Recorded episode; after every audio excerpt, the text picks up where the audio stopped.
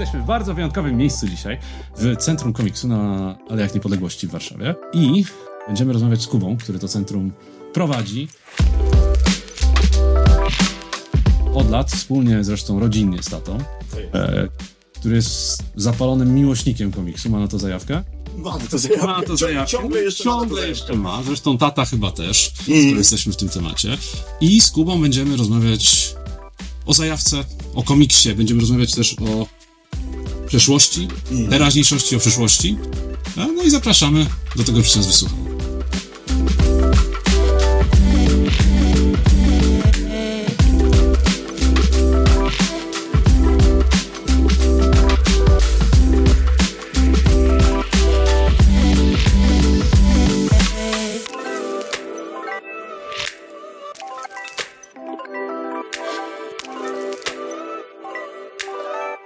Chciałem za- zacząć od pytania takiego związanego z zajawką, bo w sumie gadaliśmy sobie na tym poza anteniu tutaj bardzo dużo i w sumie dużo, dużo tych tematów było. A ja chciałem zapytać, jakie masz w ogóle pierwsze, pierwsze wspomnienie związane z komiksem? Co, co cię zajawiło i w ogóle dlaczego cię zajawiło? Co było takiego, pamiętasz w ogóle taki moment? Ciężko jest mi powiedzieć tak naprawdę od czego się zaczęło, bo ten komiks zawsze gdzieś był w okolicy, więc nie mam takiej jednej rzeczy, na którą się spojrzałem i powiedziałem, wow, to jest to. Zawsze gdzieś był Kajko i Kokosz, zawsze gdzieś był Kaczor Donald. Chyba pierwszym komiksem, który ja tak odczułem i myślałem, że to jest komiks dla dorosłych, to był Valerian. I, I to, no właśnie, to nie był Kaczor Donald, oni tutaj mają pistolety laserowe, oni się strzelają, oni się przenoszą w czasie. W ogóle nie, to, to był e, jakiś, jakiś absolutny odlot. Ale Batmany, Supermany, to po prostu było gdzieś w moim otoczeniu, a więc nie traktowałem tego jako coś niezwykłego. Może właśnie to mi zostało gdzieś zabrane, e, że jak rozmawiam z wieloma ludźmi, to oni opowiadają mi o swoich pierwszych komiksach. Ja nie potrafię wskazać pierwszego komiksu Okej. ale, ale mam parę takich historii, które no ciągle z, gdzieś tam z zamkniętymi oczyma potrafiłbym powiedzieć, co jest na kolejnej stronie i to są semiki. Semiki. O, no. Wow, to ciekawe, faktycznie, bo, bo e, jakby my też się przerzucaliśmy jakimiś takimi wspomnieniami związanymi z naszymi e, startami z w ogóle z komiksem. Ja pamiętam, że tak naprawdę chłopacy, czyli Marcin tutaj i jego brat Michał w ogóle mnie zajawili czymś takim, jakim, czy, czy, czym jest komiks w ogóle, wiesz, kadry i w ogóle, wiesz, rysunki. Ciągnęliśmy tym. E, więc, więc tak, a Marcin z kolei ma, ma historię związaną z bieganiem po drzewach i złamaniem ręki, bo się zajawił tym, że przeczytał komiks o Predatorze. E, więc wiesz, więc e, logi- No oczywiście, tak, zero, zero, zero. Dziecięca wyobraźnia i wiesz, teraz, Tak, i tak. teraz puszczasz, no, ale to tak ciekawie z tym Walerianem zacząłeś, bo, bo, bo wiesz, większość dzieciaków, jak jednak wspomnisz, zwłaszcza nawet ludzi w naszym wieku, to jak spytasz właśnie e, o pierwszy komiks, to mówią, tak jak mówiłeś, semiki, mówią Marvele, mówią DC-ki, a Valerian jest komiksem jednak e, nie mainstream, znaczy nie mainstreamowym takim, e, no grubo nie mainstreamowym praktycznie. No nie, jest nie, komiks nie. europejski. Europejski. Tak, tak. Komiks europejski. Może też łatwiej dzięki temu mi jest podchodzić do komiksu europejskiego, bo od tego zacząłem, a, tak naprawdę. Y, Zacząłem czytać, o, bo, bo przeglądać to sobie, to pamiętam Maximum Carnage e, bardzo dobrze, to pamiętam. E, Batmana z Batmite'ami, bo to było coś takiego, gdzie po prostu urzeka cię ten rysunek, patrzysz się na to i mówisz, wow, nie, ja nigdy wcześniej nie widziałem czegoś podobnego. E, ale to tak było dla mnie z Valerianem, bo ze względu na to, że no tutaj babcie mówiły, a super bohaterskie, no to to jest dla dzieciaków, to jest jakieś, jakieś głupoty. A ten Valerian, on nie był super bohaterski, więc znaczy, że musi być dużo poważniejszy, że to musi być komiks dla dorosłych. No, no powiedzmy, że on jest rzeczywiście dla ciut e, starszych, no ale nie jest poważniejszy niż Batmany czy, czy Spider-Man. A to, bo mówisz, że, że było ci łatwiej z komiksem europejskim, to uważasz, że w ogóle europejski jest, e, próg wejścia jest wyższy, że jest trudniejszy do w odbiorze? E, nie, jest trudniej się, e, trudniej o zajawkę komiksem europejskim, bo nie jest tak popularny po prostu jak komiks amerykański. Nie powstają filmy, nie powstają gierki, albo powstają, tylko że w znacznie mniejszej ilości. A tym komiksem europejskim, no trzeba zaszczepić w kimś tego bakcyla, żeby się zainteresował. Rzadko kiedy ktoś przychodzi i zaczyna szukać swojego tytułu komiksowego, czy tam swojego pierwszego komiksu od Europejczyków. To jest częściej jednak Ameryka Jasne. albo manga. Bo to jest oddzielna, oddzielna w ogóle. Manga to jest... Arta. Manga, manga to jest e, potęga w tym momencie. Tego idzie na kilogramy. To, to co się sprzedaje po prostu w takiej ilości. A możesz mi powiedzieć, e, jako, mi jako kompletnemu lajkowi, ignorantowi, jeśli chodzi o mangę, co jest tak bardzo e, atrakcyjnego w mandze? Bo ja nie ukrywam, że się rozmijam kompletnie z tą stylistyką, a chciałbym wiedzieć, i też rozmawialiśmy o tym wstępnie, że ch ch chciałbyś móc mi pokazać coś, co mogłoby być fajnego.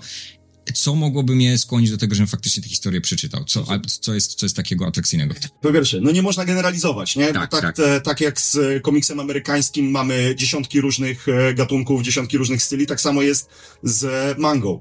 Ale co w tym urzeka? Chyba prostota rysunku, więc nawet jeśli ten rysunek jest bardzo złożony, jest gęsty, to on jest ciągle przejrzysty. Oni najczęściej operują tylko w czerni i bieli. Widzimy te detale, a jednocześnie jest to proste i przyjemne dla oka. A, a co jest w tym przyjemnego? Ja Wiem, trzeba chyba po prostu zacząć to czytać i w pewnym momencie ci wejdzie ten rytm.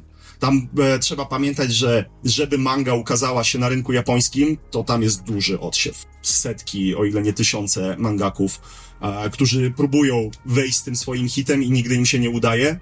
A, a jak już wychodzi taki Dragon Ball, no to to już jest coś wyjątkowego. I, i na przykład ja Dragon Balla uwielbiam, ubóstwiam. I, i no oczywiście to wynika z, z przeszłości życia w Polsce w latach 90. RTL 7. Tak jest.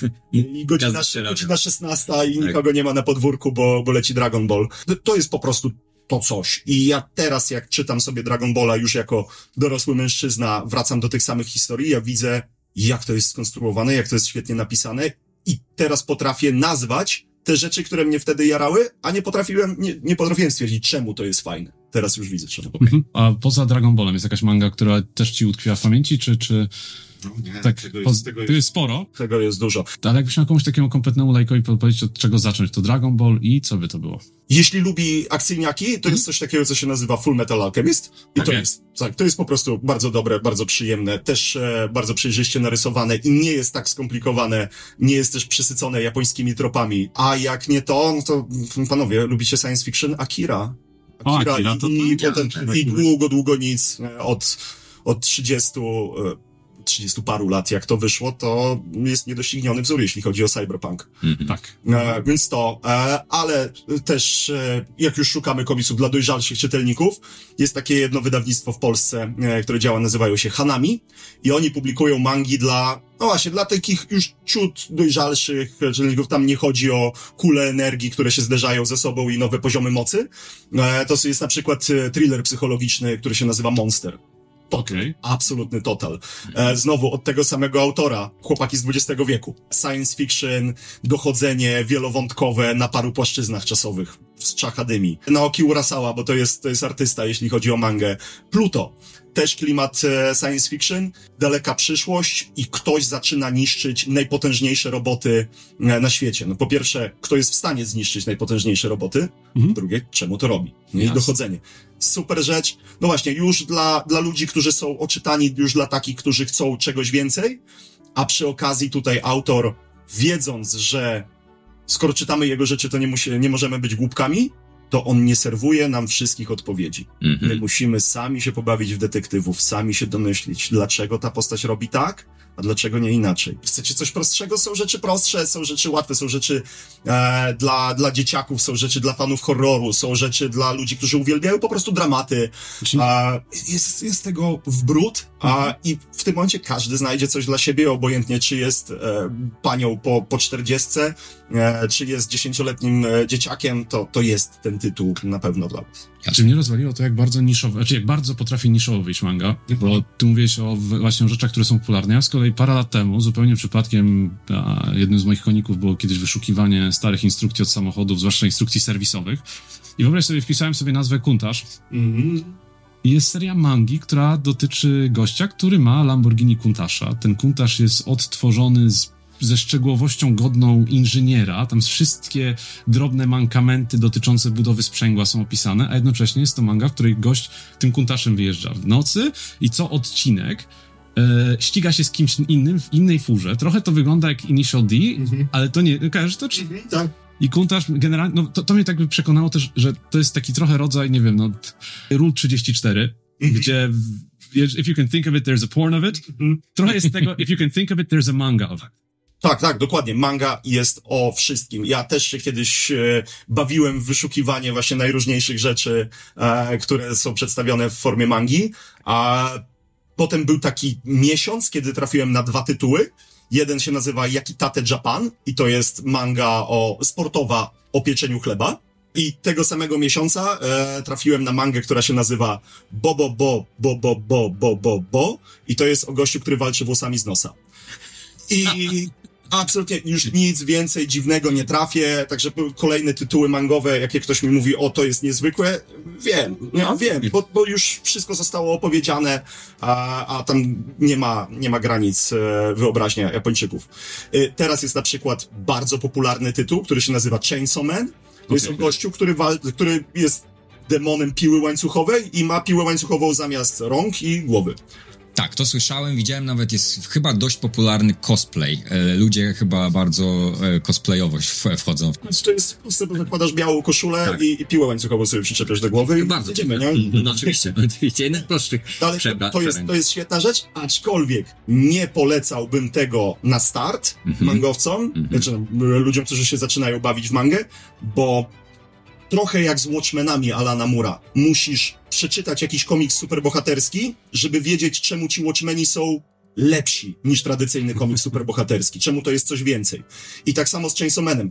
Musisz przeczytać te Dragon Ball, Fire Force czy, czy One Piece, żeby wiedzieć, czemu ten Chainsaw Man, który też operuje w ramach mangi shonenowej, czyli takiej głównonurtowej dla, dla małoletnich, czemu to jest coś więcej. To Okej. tak trochę jakbyś, wiesz, polecał komuś, kto całe życie sza maka, żeby, żeby wszedł do restauracji z dwugwiazdkowej i tak i, i docenił wszystkie niuanse.